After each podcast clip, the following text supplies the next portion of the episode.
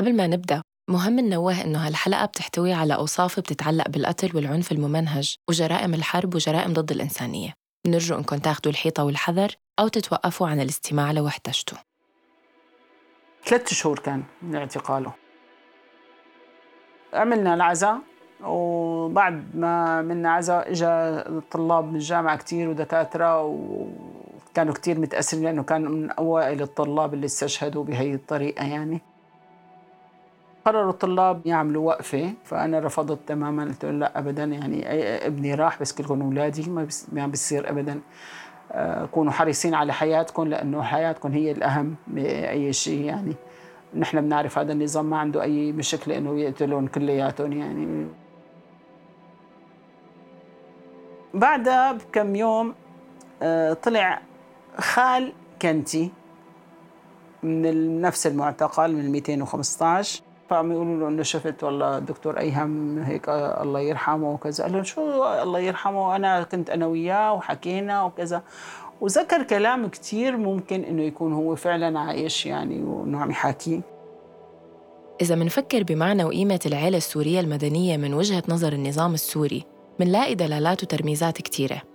أهمها إنها أداة ممكن يتم استخدامها للوصول لأحد أفرادها بغاية الضغط أو الابتزاز، ترهيب أو الإنذار أو حتى للانتقام. أنا طبعا رحت لعند الشاب بدرعا وحكى لي التفاصيل تماما هي كيف عذبوهم بقاع القاعة بالجامعة وكيف ضربوه على رأسه وكيف صار عنده نزيف داخلي.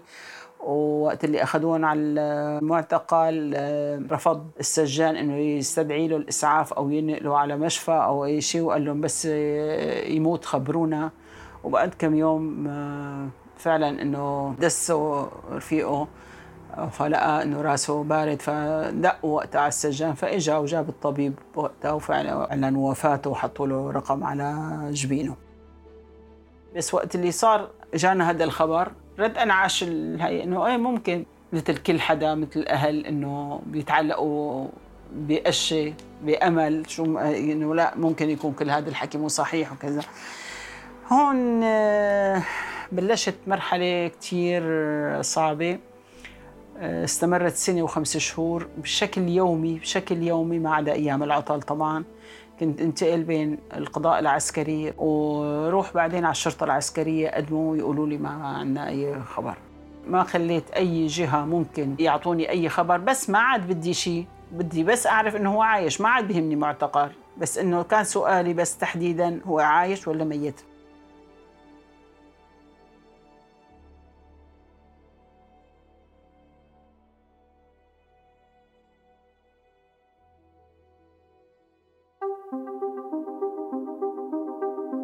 أهلا فيكم بالحلقة السادسة من قيد المحاكمة عن متهمي وضحايا الجرائم في سوريا.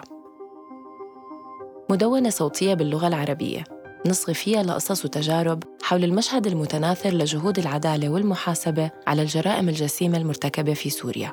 في محاولة لفهم ألغاز التحقيقات وأسرار المحاكمات القضائية الماضية الجارية والقادمة. اسمي كريستينا كغدو ورح كون عم رافقكم خلال حلقات هالموسم يلي رح نصغي فيه لشهود وشاهدات وأصحاب قصص وصوت الشارع ومختصات وأخصائيين بالشأن القضائي والحقوقي لنحاول نفكك ونفهم مع بعض. لوين ممكن تاخدنا هالمحاكمات؟ وشو هو معنى العدالة بظل استمرارية رئاسة النظام السوري المسؤول عن انتزاعها؟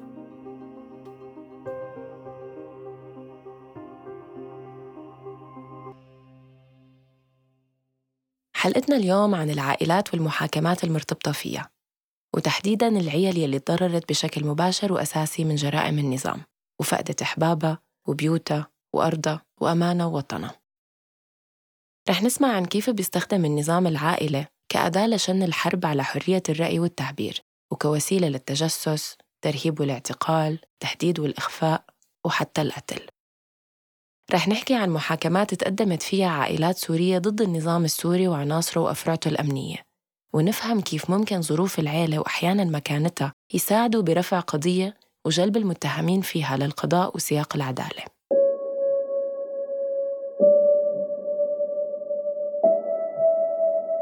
أنا مريم حلاق من ريف دمشق. آه، حطيت كم يوم بالسبعين. آه، كان عندي ثلاث شباب. هلأ في شابين. الثالث هو الشهيد أيهام.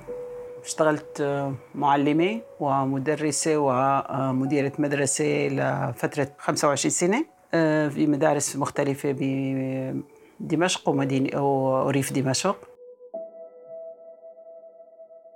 نحن عايشين كنا بجو سياسي شوي. الوالدة كان عندها أفكار سياسية مبكرة. فكانت هي ناصرية مع عبد الناصر فكانت وقت من أيام الوحدة آه، كنا صغار كانت تأخذنا معنا وقت معها وقت اللي بيجي عبد الناصر ونفرح آه، بقدومه ونشوفه. طبعا صور آه، عبد الناصر محطوطة بكل قاعات البيت نحن عندنا بيت عربي كبير. فكانت صور عبد الناصر هي المحطوطة مو صور أبي أبدا. كانت صور. على العمر ال 16 وتحديداً ببداية السبعينات قطعت مريم دراستها وتزوجت. وبعد ما أنجبت ابنهم الأول رجعت قدمت بكالوريا والتحقت بمعهد. وبعد تخرجها تعينت كمعلمة بباب توما بمنطقة الإمارية خلال عملها بالمدرسة تم ترشيحها وتنسيبها لحزب البعث لحتى تقدر تستوفي عملية توليها منصب الإدارة. ومع الوقت صارت مديرة المدرسة. وقتها كانت مريم أم لولدين. وكانت امرأة معروفة بصدقها وحبها لعملها واحترام المحيطين فيها لإلها بالإضافة لمواقفها بمواجهة زيارات المخابرات وعناصر الأمن جوا حرم المدرسة اللي كانت تديرها. أما زوج مريم مصطفى غزول فكان بيشتغل ضابط احتياط لحد سنة ال 75 وبعدها اشتغل كمدرس بمعهد وبنهايات ال 2011 توفى أثناء عملية قلب بسبب خطأ طبي. كان يقول لي بكرة حافظ الأسد هو إنسان خائن هو باع الجولان هو باع القنيطره وبكرة حتشوفي إذا كنت ميت لسه حتدقي على قبري وتقولي لي كلامك كان صح. بس الحمد لله لحق إنه قلت له إنه كان معك حق قبل ما يتوفى. فكانت هيك الحياة يعني بين آه، إنه في صراعات وسيطرة آه، الحياة اليومية فيها شيء من تدخلات النظام من تدخلات الأمن. فينا يعني. بذكر أنا آه، كمان بالتعليم كان في مراقبة أمنية بشكل دائم يعني ضمن مدارسنا. إنه هو بده يطلع آه، آه، على أوضاع المعلمات مين عم تصلي مين عم تحكي. فمره انه إحدى المعلمات عملت عيد ميلاد لأبنها. وبنهاية عيد الميلاد لأبنها اللي هو عمره خمس سنين مثلا. يعني الأولاد داروا وعملوا مثل إنه هن عم يعملوا مولد نبوي وصلوا ضيفتهم هيك صرر ملبس مثل العادات المولد النبوي اللي نحن مسوي ثاني يوم بالضبط بيجي الأمن اللي عندي على المدرسة وبيسألني عن هي المعلمة. طب شو في؟ قال إنه امبارح عملت هيك إيه شو المشكلة يعني؟ شو المشكلة إذا وحدة زوات بيتها عم تعمل مولد أو عملت عيد ميلاد؟ إن كان هيك ولا هيك يعني؟ شو عملت هي؟ لا شو خربت بالدنيا؟ قال لا ما هذا ممنوع. طبعا هذا كان الحكي قبل ما يفتح حافظ الأسد هي مدارس تحفيظ القرآن والمساجد والقبيسيات والكذا. كان في مراقبة على أساس نحن دولة علمانية ومراقبة لكل حدا بيصلي. كمان هيك اجى مرة عم يقول لي إنه في عندك الأنسة الفلانية عم تصلي. طب إيه ما تصلي يعني؟ يعني شو المشكلة إذا صليت مراقبة الناس والتحكم فيهم وبطرق حياتهم كانت تطال أصعدة مختلفة وكتيرة. الزواج كان بده موافقة واستئجار صالة أفراح كمان بده موافقة. يعني الأمن كان يتدخل بالصغيرة والكبيرة حتى بتفاصيل العزاء والدفن. كان إذا في حدا مختلف آه، مع حدا ممكن يكتب فيه تقرير بكل بساطة بيختفي هذا الشخص. شخص إنه ما عم يحضر مثلا أو ما حضر لمرة واحدة تحية العلم. فيعني كانت هي الأمور اللي هي تفاصيل صغيرة بس هي حياتية كانت مليئة فعلا بالرعب. مريم عاشت واختبرت شكل ومعنى الحياة تحت سلطة نظام الاسدين وحكت لنا كيف بالفترة الأولى من حكم بشار كان الكل مصدق خطاباته ووعوده بالتغيير والإصلاح وحرية التعبير والرأي. لكن هالوضع ما استمر. سنتين ثلاثة كانت رجعت الأمور مثل ما هي بس اللي خف هو أنه التقارير الأمنية ما عادت تاخذ جدواها مثل الأول. يعني كان هدول كانوا بسموهم خطهم حلو أو ايدهم طويلة آه، فما كانت ما عادت آه، مثل الأول إنه أي تقرير أمني مباشرة يختفي صاحبه. صارت الأمور يعني شوي أسهل وصار شوي فينا نحكي شوي. بعدين آه، ردت الأمور كلها رجعنا للحيطان إلى أذان وما بصير نحكي أي شيء. وعندنا حافظ الأسد هو الشيء أو بشار الأسد لازم الصور التنتين كانوا يكونوا بكل صف بكل مرفق دولي رجع اعتقل كل اللي آه، وقعوا على اعلان دمشق وسكر كل الصحف اللي طلعت ووقف كل الأحزاب اللي طلعت فرجعنا للدكتاتوريه والحكم الشخص الواحد. حفاظا على المزرعة تبعه حفاظا على الحكم. وتحول الحكم اللي نحن استبشرنا فيه إلى اعتقالات وإلى سجون ردينا مرة جديدة وإلى عدنا على أسوأ بهي الفترة بعد 2004 و 2005 التحكم بنوع الحياة يلي ممكن يعيشوها الناس كان أداة أساسية لإدارة النظام للبلد. حسب ما ذكرت لنا مريم إذا كان في عيلة ما يسارية أو عندها أفراد توجههم يساري مثلاً فكانوا دايماً ملاحقين ومراقبين وفي متابعة للشاردة والواردة بحياتهم حتى لو من بعيد لبعيد. أما مثلاً أبناء العائلات اللي من مدينة حما تحديداً بعد المجزرة يلي ارتكبها النظام هنيك فكان في قيود من نوع آخر مفروضة عليهم حرمانهم من التوظيف أو تولي المناصب بالجيش أو بالدوائر الحكومية أو العسكرية. عائلة مريم ما كان عندهم توجه سياسي ظاهر وما كانوا بينتموا لأحزاب.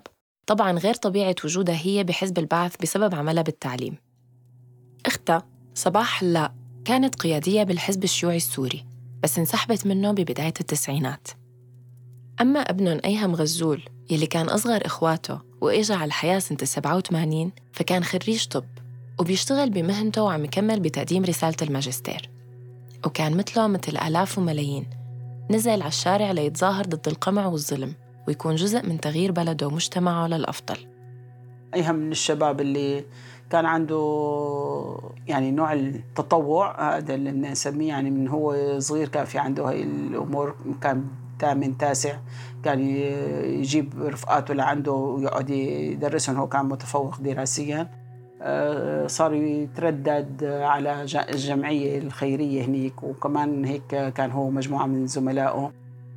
بال 2006 وقت اللي صار النزوح من لبنان آه، كمان كان هو أحد المتطوعين مع النازحين اللبنانيين وظل معهم فترة طويلة بالمعسكرات.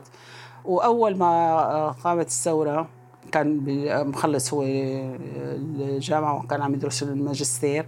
فمباشره تطوع أو اشتغل بالمركز السوري للإعلام وحرية التعبير بتوثيق حالات القتل والاعتقال اللي كانت عم تصير ضمن المظاهرات. قبل مباشرة بس بلشت الثورة كان في آه، مجموعة من الشباب أو المواطنين الواعيين شكلوا آه، رابطة اسمها رابطة آه، المواطنة الرابطة السورية للمواطنة وبالتعاون مع بعض الأشخاص اللي لهم تاريخ وطني. فكانت هي عبارة عن ورشات يحضروها مشان توعية الشباب يعني بالمواطنة.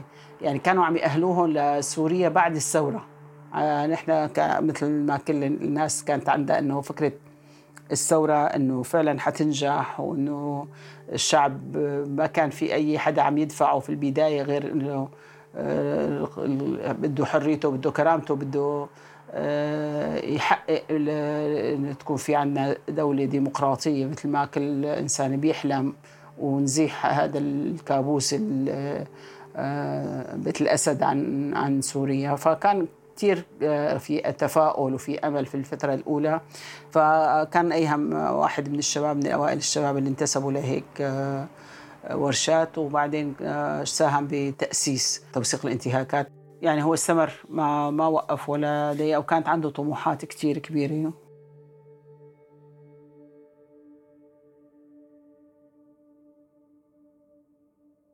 مثل حال ملايين العائلات السورية يلي اعتقل أو أخفي أحد أفرادها بال 2011 والسنوات اللي تلتها أيهم كمان تم اعتقاله هو و13 شخص من المركز السوري للإعلام وحرية التعبير تحديداً ب 16 شباط 2012 كان هذا اعتقال أيهم الأول وتم عرضه هو والمجموعة اللي معه على المحكمة.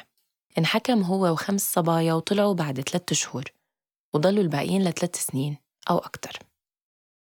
هالاعتقال زاد من غضب أيهم ودافعه للاستنفار بسبب التعذيب اللي تعرض له بالمعتقلات وصار مصمم أكثر على النشاط اللي كان عم يمارسه قبل ما ينحبس.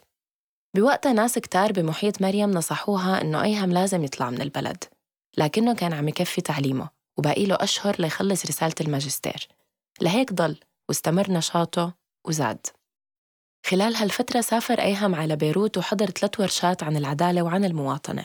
وبعد بيوم من آخر ورشة رجع منها فطلع على الجامعة وما رجع. كان وقت اللي يطلع على المظاهرات يرجع فعلا هو خدوده حمراء بشكل عادي فكان ترجع عيونه هيك عم تبرق في في هذا الفرحة اللي نحن ما قدرنا لنحن أهالي أهالي هدول الشباب ما قدرنا نحن نحصل عليها لأنه كان ممنوع. ممنوع إنه نحكي ممنوع إنه نهتف ممنوع. حتى الطموح كان صعب انك أنت تطمح إنك تعمل أي شيء. فالشباب هدول لقينا فيهم يعني كانت فرحتي كثير في بالشباب وبرفقاته إنه قدرانين يحققوا شيء قدرانين يحلموا بشيء وقدرانين يحققوا فبس ما ما اكتملت هالفرحة و, و... آه، ما بعرف.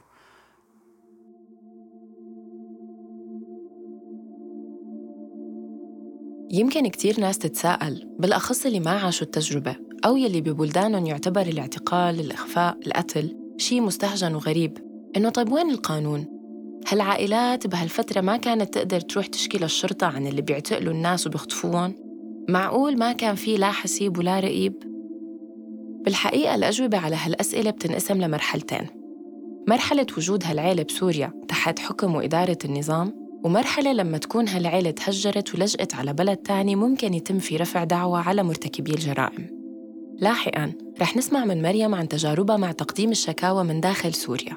بس عموماً لما يتم إخفاء أو اعتقال أو تعذيب أو قتل فرد من أفراد عيلة سورية خاصة من 2011 وبعدها فكرة المحاسبة والملاحقة القانونية ضد يلي ارتكبوا هالأفعال والجرائم وانتظار حكم عادل وشافي منها هي منا بالضرورة شي واقعي أو مجدي. وبأغلب الوقت بتعرض حياة المتقدمين بالشكوى للخطر. بس من جهة تانية كتير عائلات حاولت إنها تسترجع جزء من حقها بعد ما تركت سوريا بمساعدة قانون البلد الجديد يلي لجأوا له أو نزحوا له. ومثال على هالشي عائلات المخفيين قسراً هالعملية بتبدأ عادة بخطوة قانونية أولى محاولة أفراد العيلة معرفة مكان المخفيين. طبعاً في معايير قانونية متفق عليها عالمياً لها الغرض وأهمها أمر الجلب أو الإحضار. يعني الاستعانة بالقانون يلي بمكن الأشخاص إنهم يبلغوا المحكمة عن احتجاز أو سجن غير قانوني. ووقتها المحكمة بتأمر بإحضار السجين ليحددوا إذا كان هالاعتقال قانوني أو لا. عادة المسؤولين عن الإحضار هن عاملين بالسجن نفسه. مثل ما ذكرت هالخطوة القانونية لازم تتم أول شيء لأنه من غير ما تثبت العيلة إنه المحكمة أرسلت أمر إحضار وما تم الرد ما بتقدر تاخذ الخطوة الثانية وهي رفع دعوى الإخفاء القسري. هون بصير في مشكلة تانية وهي صعوبة إثبات جريمة الإخفاء القسري. ببساطة لعدم قدرة هاي العائلات على أنهم يحددوا بأي فرع أو معتقل موجودين أبنائهم أو بناتهم.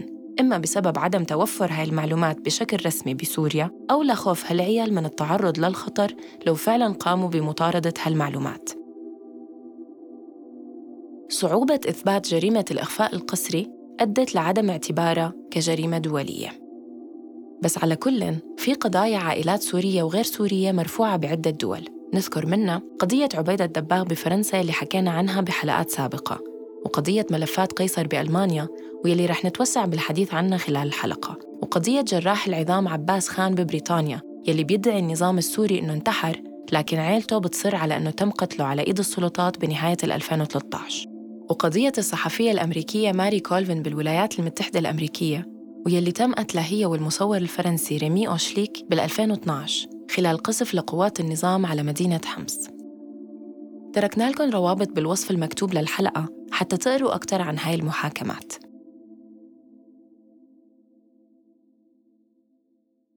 خلينا نرجع لمريم. بعد ما اختفى ابنها لا بين بالشغل ولا رجع من الجامعة تحول الشك إنه اعتقل للمرة الثانية لأرق وتأكدوا فعلياً إنه تم اعتقاله ومباشرة بلشت رحلة البحث عنه بين الأفرع الأمنية بسوريا.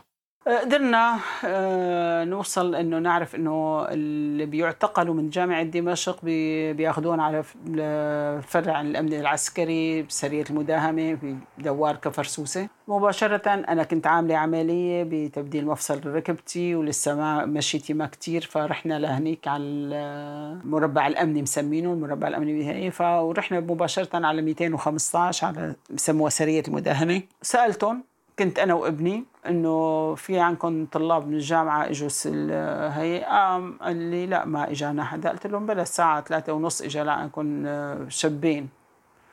قال لي عم لك ما إجانا حدا من الجامعة اليوم. قلت له الله يرضى عليك يا ابني بس بدي أطمن يعني إنه قال لي آه منين أنت؟ قلت له أنا من دير عطيه قال روحي على فرع المنطقة. المهم رحنا على فرع المنطقة ونحن متأكدين هو إنه هو بال 215 آه، كمان الثاني آه، يلي آه، ليش يعني ليش عم تسألي؟ عامل شيء ابنك قلت له والله ما بعرف إذا في واحد أستاذ بالجامعة. شو بيكون عم يساوي بالجامعة يعني؟ قال لي كان لي يعني إذا عامل شيء بيتحاكم إذا ما عامل شيء بيطلع. قلت له أنت عايش بسوريا شيء يعني هذا معنى ما في هي هي الأفكار ابدا بسوريا. خلص اعتقل يعني اعتقل ما في داعي يكون في سبب أو هيك. المهم بلشت أنا هذا في مشوار هيك حوالي ما خليت آه، أروح وإجي وراسل واسأل وكذا ما في أي شيء. آه، هلا في أنا حالي ما بعرف اذا ذكرتها بعد آه، حوالي خمس أيام أو ست أيام ما بذكر تماما من اعتقال ايهام كنت متوضية ورايحه أصلي بالغرفة اللي هي غرفة ايهم يعني. نحن طبعا بيوتنا تدمرت فكنا ساكنين في بيت أخي بالشام. آه ففايته لا ما شفت غير إنه الباب اللي كان يدخل منه أيهام هو باب البناية يعني. آه فانفتح وأربع شباب آه، زت أيهام حاملين آه، شاب آه، يعني طبعا أنا عرفت إنه هو أيهام بس ما كانت والملامح وشه واضحة بس زتوا لي إياه وراحوا. وأنا واقفة يعني صرت أفكر إنه شو اللي شفته أنا يعني كثير صعب إنك أنت شو معناتها هاي؟ يعني أنا واقفة ماني نايمة ما عم بحلم أنا واقفة. فقلت إنه هذا أكيد انزال من الله إنه هيك إنه عم يخبرني شو بده يصير بأيام. فقلت لا لا ما يعني ما رفضت. لسه شاب صغير 25 سنة عمره. بكير. بعد ثلاثة شهور تقريبا وصل مريم خبر وفاة ابنها عن طريق واحد من الشباب اللي كانوا معه بالفرع اللي تم اعتقاله فيه. وقتها عملت العيلة عزا صغير. وصحابه بالجامعة قرروا يعملوا له جنازة افتراضية لتكريمه. لكن بعدها بكم يوم واحد من قرايب مريم يلي كمان كان معتقل بالفرع 215 طلع. وهذا الفرع نفسه يلي كان معتقد إنه أيهم تواجد فيه. قريب مريم سمع من عيلته إنه أيهم تم قتله بالمعتقل. لكنه نفى الخبر وأكد إنه أيهم بعده عايش وإنه كان معه بنفس المعتقل وإنه حكوا سوا. كانت هي صدمة لمريم. لأنها كانت مقابلة الشاب اللي بلغها بخبر وفاة ابنها أيهم وشرح لها تفاصيل التفاصيل عن موته وإنه تعرض للتعذيب والإهمال الطبي وإنه الحرس رغم إخبارهم بظروفه الصحية وإنه ممكن يموت بأي لحظة جاهلوا هالشي لحد ما فعلا مات وتم إعلان وفاته وحطوا رقم على جبينه. ومع كل هاد لما إجا هالشخص وقال كلامه عن إنه أيهم لسه عايش انتعشت مريم من أول وجديد وتعلقت بهالاحتمال لأنها بالنهاية ما شافت جثة ابنها بعينها وفكرت إنه شو له مصلحة قريبة يكون عم يكذب. وهون بلشت مريم مرحلة تانية وجديدة. استمرت سنة وخمسة أشهر. كل يوم ما عدا أيام العطل تتنقل بين القضاء العسكري والشرطة العسكرية ولجنة المصالحة واللجنة المركزية ووزارة الداخلية والقصر العدلي. أي جهة كان ممكن إنه تقلها إذا كان ابنها عايش أو ميت. وبعد سنة وخمس شهور أعطوها خبر للمرة الأولى. وقتها سمحوا آه، إنه يعطونا أخبار. يعني صار في إنه خبروهم شو عم يصير فأنا مثل العادة يعني كل يوم عم أقدم هذه الطلبات وكذا. هالمرة استدعوني لمكتب رقم عشرة اللي هو يعني هدول بيكونوا مستشهدين وقالوا لي إنه أعطاني ورقة مراجعة الطباب الشرعية بمشفى الشين العسكري. خلال هاي السنة والخمس شهور نحن نتع... يعني كان في عنا معاناة كتير صعبة إنه نحن نلتقي كأمهات وزوجات وآباء. يوميا نلتقي آه، بالقضاء العسكري بالشرطة العسكرية بوزارة الداخلية يعني بكل الأماكن. وكل حدا عنده قصة وقصة صعبة جدا. في مثلا أم أخذت آه، فقدت خمس شباب في أم اغتصبت بنتها قدامها وقدام أبوها. قلت لهم إنه يعني نحن عم نتجمع إنه بس خلينا نحمل أسماء أولادنا. بعرف إنه هذا شيء ممنوع وإنه نحن مرعوبين وإنه بس إنه نحمل أسماء أبناء أولادنا بس نقول إنه هن وين؟ بس نكتب وين فلان يعني. آه، فعلا نظرات الرعب اللي ظهرت بعيونهم سكتتني تماما. إنه شو عم تعملي أنت؟ فهي الأم اللي بنتها مغتصبه قالت لي لسالي هالولد خليه خليه عايش. قلت لي لسه ما عندي غير البيت خليه. عندي ولد تاني خليه. فسكتنا تماما عن أي شيء آه، ما عاد في أي كلام ينحكى يعني. آه، وصلت بعدين على بعد ما أعطوني هي الورقة رحت ثاني يوم على الطوابق الشرعية ف بمشفى الشين العسكري. وأنا داخلة لقيتهم عم يلفوا بعض الجسامين بالعلم السوري وعم يحطوا بسيارات. وفتت بعدين وقفت وأنا واقفة عم صرخ علي وأنه هنيك الطوابق الشرعية. ففتت وأنا هيك يعني مصدومة. فالمهم إنه أعطيته صورة عن هوية ايهم وبس سألته إنه وين دفنتوه؟ فصرخ فيه صوت لا تسألي لا تسألي.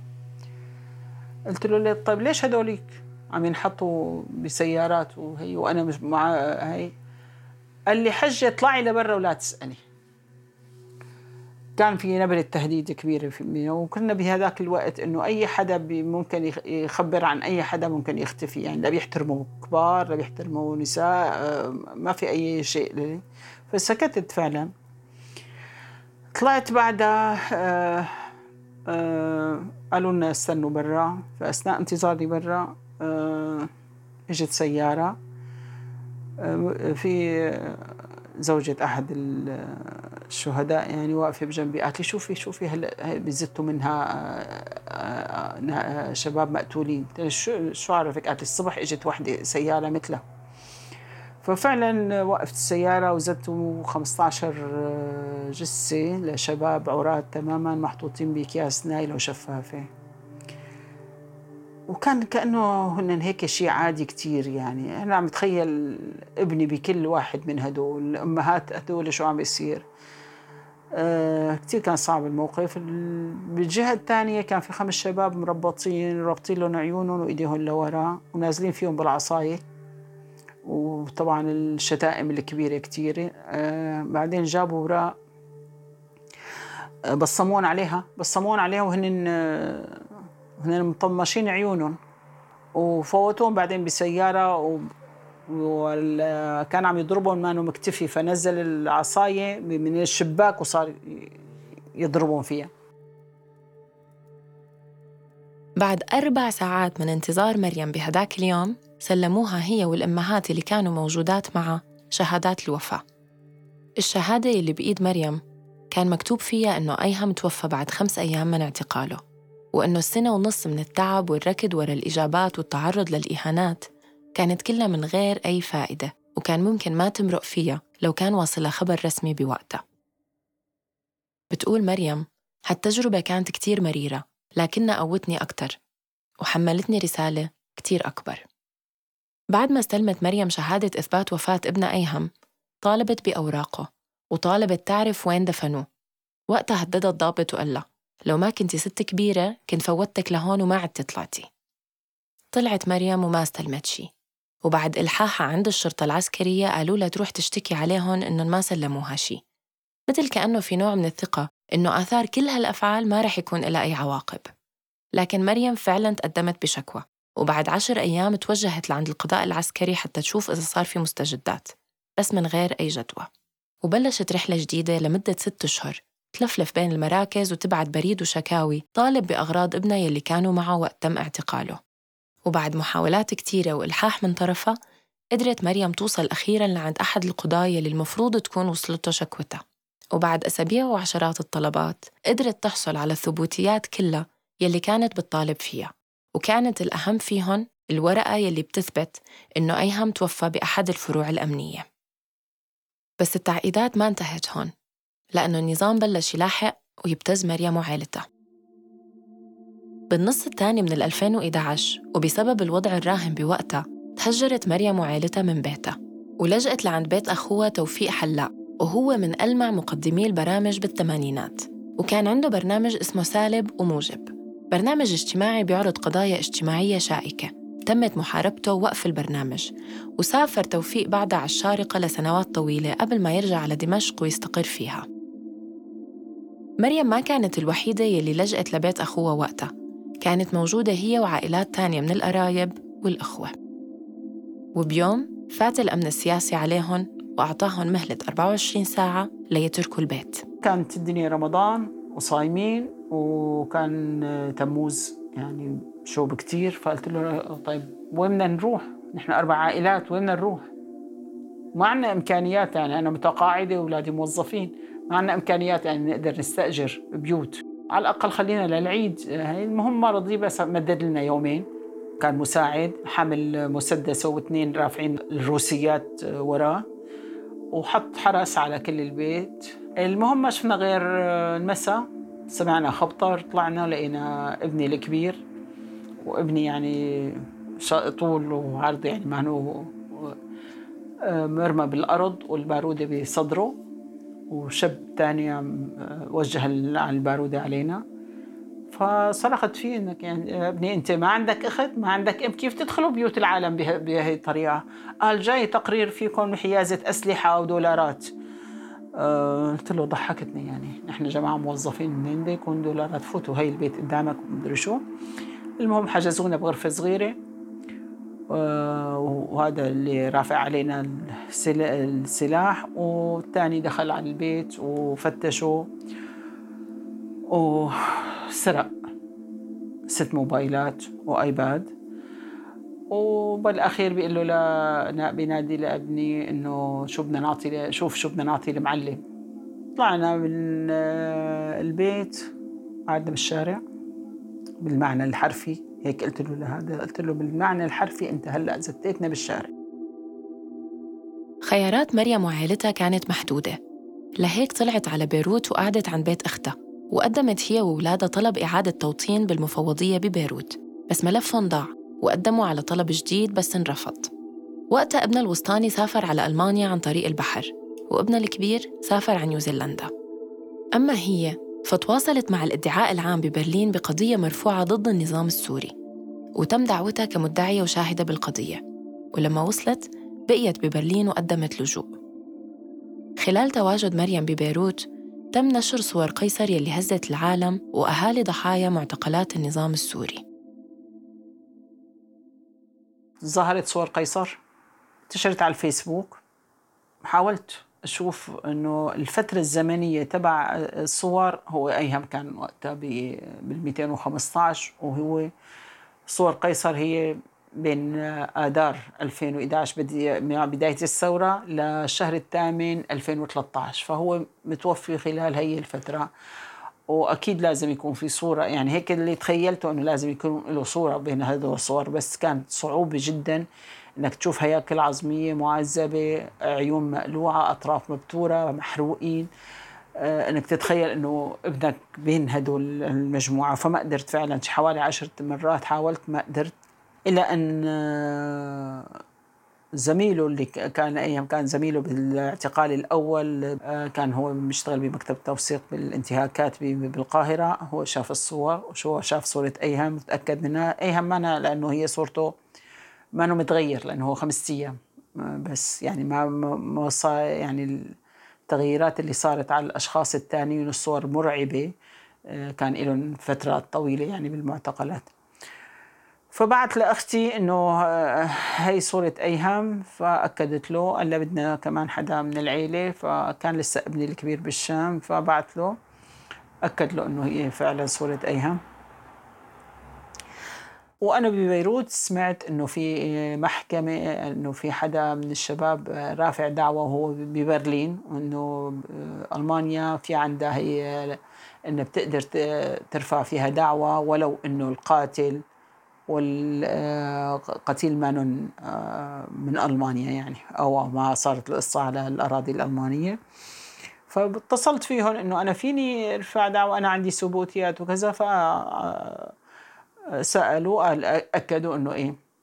فجيت بعشرة سبعة هلأ بعد كم يوم كون خلصت خمس سنين يعني على برلين. طلب مني إنه إذا انت حابة إنك تقدمي لجوء من حقك هاد وهن وكلوا لي محاميه وصار يعني طلع لجوئي وصار عندي لجوء وقعدت في برلين يعني. ببرلين تعرفت مريم على مجموعة عائلات أفراد آخرين ظهرت صورهم بملفات قيصر ولاحقاً اجتمعت بمازن درويش رئيس المركز السوري للإعلام وحرية التعبير يلي كان أيهم ناشط فيه قبل اعتقاله. هاللقاء نتج عنه إنشاء رابطة لعائلات قيصر للي قدروا يتعرفوا على صور شهدائهم ومفقودينهم. تأسيس الرابطة بلش بخمس عائلات بال 2018 واليوم بتضم 55 عائلة حوالي في شيء 600 شخص قدرنا يعني نقدر يعني تجي العائلة بتبعت الصورة آه، عندنا مكتب توثيق آه، بيشوفوا إنه هاي الصورة موجودة وشو أقرب صورة إلها وبيشوفوا الأهالي. يعني بنساعد الأهالي بس مو الكل بيرضى إنه يكون عضو لأنه في مثلا عندهم حدا بالشام لسه الخوف والرعب. رابطة عم تشتغل شغل كتير آه، منيح الحمد لله يعني وسم سمعتنا كتير طيبة بالمنظمات الدولية. كمان شكلنا آه، كمجموعة نحن من خمس منظمات سورية آه، شكلنا مجموعة سميناها آه، أو سميت بمجموعة ميثاق حقيقة وعدالة اشتغلنا على رؤية الضحايا لحل ملف المعتقلين. وبعدين طالبنا حاليا بآلية لكشف المصير.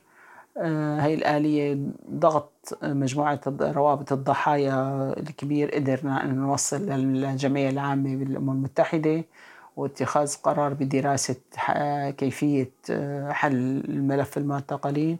وإن شاء الله هذا بنهاية بعد كم يوم حيكون تقرير الأمين العام للأمم المتحدة بعدها حيصير في تصويت من شأن إنشاء هاي الآلية. فإذا تم إنشاء هاي الآلية بتكون كتير يعني منصة كبيرة للسوريين للتوثيق لرفع الحالات ورفع معاناة الناس كشف مصير الناس المعتقلين لهم 10 أو 11 سنة ما حدا بيعرف عنهم إنهم عايشين أو ميتين. بس لمعرفة أحوال المعتقلين والمفقودين. بنهاية حديثنا سألنا مريم عن شو ممكن تعني لها العدالة كأم فقدت ابنها وبيتها وتشتتت كل عيلتها. سألناها عن مين بالنسبة إلها مهم يكون خلف القضبان حتى تشعر ولو للحظة إنه في شي مقابل كل شي خسرته؟ ممكن يتعوض؟ آه هي يعني ما في ما فيني أقول غير إنه هي المحاسبة آه يعني هي طريق طريقنا لتحقيق نوع من العدالة يعني ما في أي عدالة ممكن ترجع لي ابني أو ترجع آه أبو فلان أو أخ فلان لأنه حتى طريقة استشهادهم يعني هي كانت كثير ما عم بحكي عن أيهم إنه هو أيهم أقول خمس أيام يعني هذا في سؤال دائما كان ينطرح علي إنه وقت اللي شفتي صورته هو شهيد شو اللي يعني شو كانت ردة فعلك؟ بقول لهم ارتحت. فكان هذا كثير مستغرب في البداية. بس وقت اللي بتشوف بمقارنة مع الصور اللي شفناها إنه إذا الموت لا بده منه منيح اللي مات على بكير. لا عانى لا جاع لا مرض لا تعرض ل آه، شيء يعني خلاه إن شاء الله ما بس يعني بس الصور اللي بيشوفها كثير كثير كثير صعب. آه، إنه يتخيل الواحد إنه حدا ممكن يوصل التعذيب فيه لوحشيه البشر انه توصل آه، إنك تتخيل إنه بيعذبوا ناس لهالدرجة يعني. سلسلة طويلة من الأشخاص اللي كان لهم يد مثلا في قتل يا ترى بدنا نحاسبهم كلهم؟ أنا هلا عم طالب بمحاسبة الرأس أولا بشار الأسد أولا وبعدين البقية أكيد نحن بسوريا ما حنقدر لأنه المنتهكين أو المرتكبين الجرائم بحق الشعب السوري كتار كتار كتير يعني. فأكيد في حل بده يكون.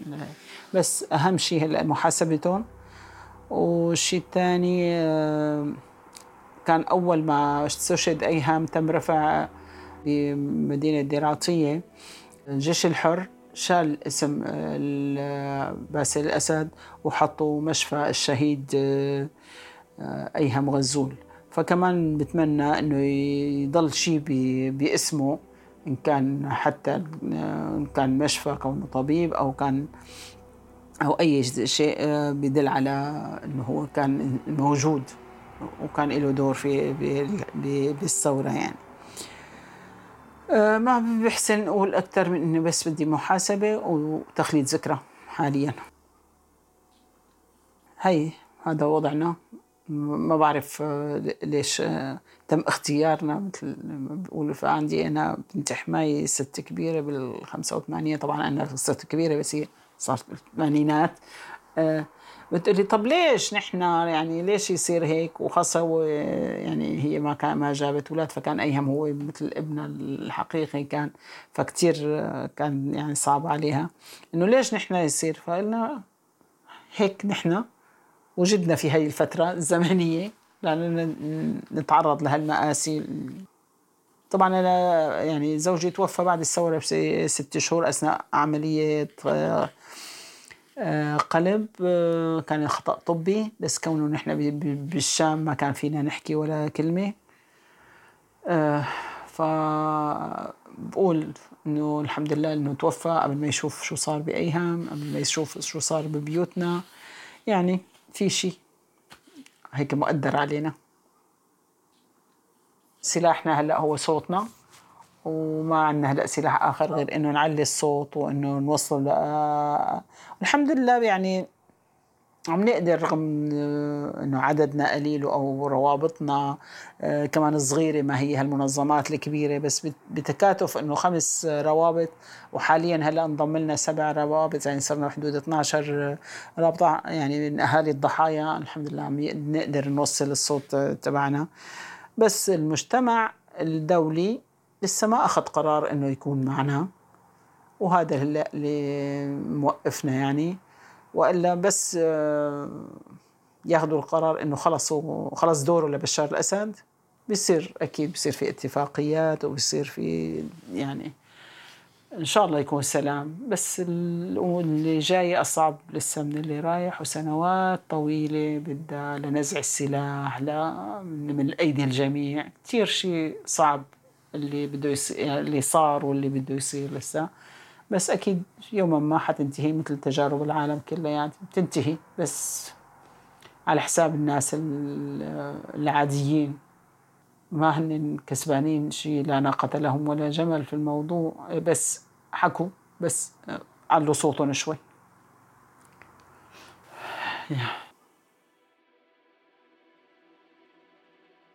بمحاكمات القضايا المتعلقة بضحايا العائلات السورية منقدر نقول إنه بعدنا بأول الطريق. وفعلياً ما في محاكمات أو قضايا مرفوعة على قد ما في جهود جماعية وحراكات وتنظيمات. بيقوموا فيها أفراد عائلات الضحايا ومؤسسات حقوق الإنسان السورية وغير السورية. نذكر منا رابطة عائلات من أجل الحرية يلي لفوا حول أوروبا بباص الحرية لحتى يلفتوا النظر على قضية المخفيين قسراً ودار بالباص زوجات وبنات المخفيين والمخفيات. أما بالنسبة لملفات قيصر فآخر تحديث كان إصدار الأمين العام للأمم المتحدة أنطونيو غوتيريس تقريره التاريخي يلي طالب فيه تعزيز الجهود المبذولة لتوضيح مصير وأماكن وجود الأشخاص المخفيين قسرا بسوريا بالإضافة لتوصية الدول الأعضاء بإنشاء كيان جديد للمساعدة بالتنسيق والبناء على الجهود الحالية لتحسين وضع العائلات. بحلقتنا الجاية رح نحكي عن الشبيحة المصطلح، المفهوم والجماعات اللي بتجسده. رح نتعمق بالسياق والتاريخ ونسمع شهادات من سوريات وسوريين عن مواقفهم مع الشبيحة. الحلقة من كتابة وإعداد وإنتاج سليم سلامة. تحرير وتحقق من المعلومات ميسقات. تقديم ومشاركة بالتحرير كريستينا كغدو. مشاركة بالتحرير فريتز سترايف وباقي فريق العمل يلي بتلاقوا بعض أساميهم بالوصف المكتوب. أنتجت هالحلقة بدعم من وزارة الخارجية الألمانية عبر معهد العلاقات الخارجية وبرنامج تمويل zivik.